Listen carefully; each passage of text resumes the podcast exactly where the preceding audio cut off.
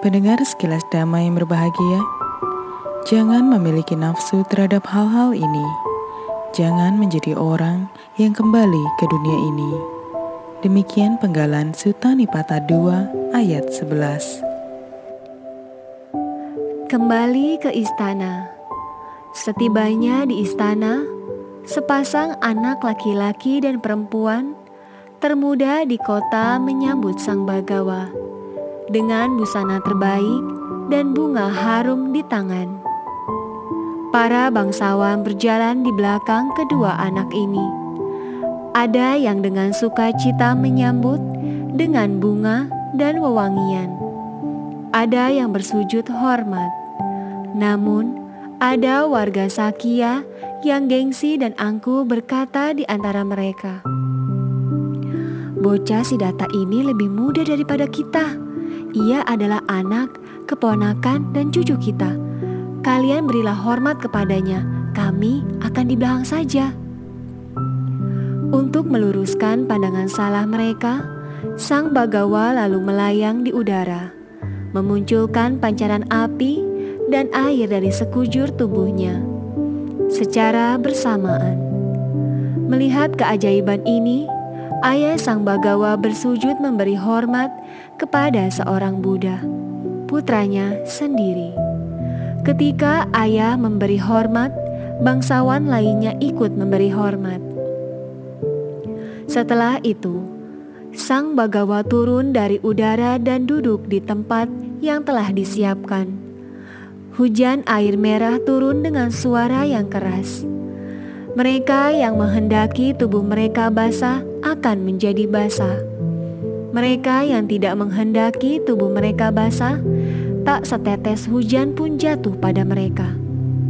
Semua yang ada di sana berseru, "Lihatlah keajaiban ini, lihatlah mukjizat.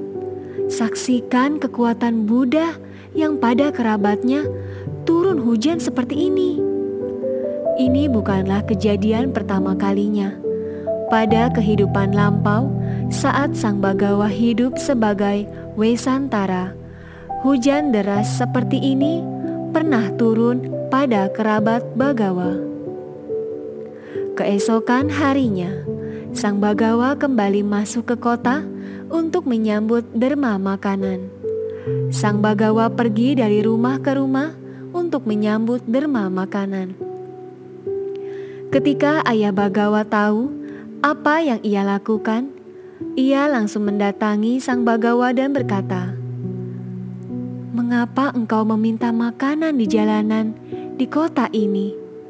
Tempat engkau pernah lewati dengan tanduk emas. Sungguh malu aku." Raja yang mulia, aku tidak bermaksud membuat malu. Namun, inilah yang telah dilakukan oleh para Buddha kami pergi dari rumah ke rumah menyambut derma makanan. Jawab sang bagawa sambil meneruskan dengan pesan dama. Setelah mendengar dama, ayah sang bagawa menembusi kesucian pertama Sotapati. Raja Sododana lalu mengambil mangkuk derma dari tangan sang bagawa dan mengundang bagawa beserta para biku ke istana. Kemudian raja mempersembahkan makanan kepada mereka. Seusai santap, sang bagawa memberi nasihat dama kepada ayah dan ibu tiri sang bagawa. Saat itu, ayah bagawa menembusi kesucian Saka Dagami. Sementara itu, ibu tiri sang bagawa menembusi kesucian pertama. Nantikan sekilas damai episode berikutnya yang berjudul Kesetiaan Bimba Dewi Sekilas Dhamma spesial kisah hidup Sang Tata Gata akan hadir selama 100 hari menyambut Hari Waisak 2562 tahun 2021.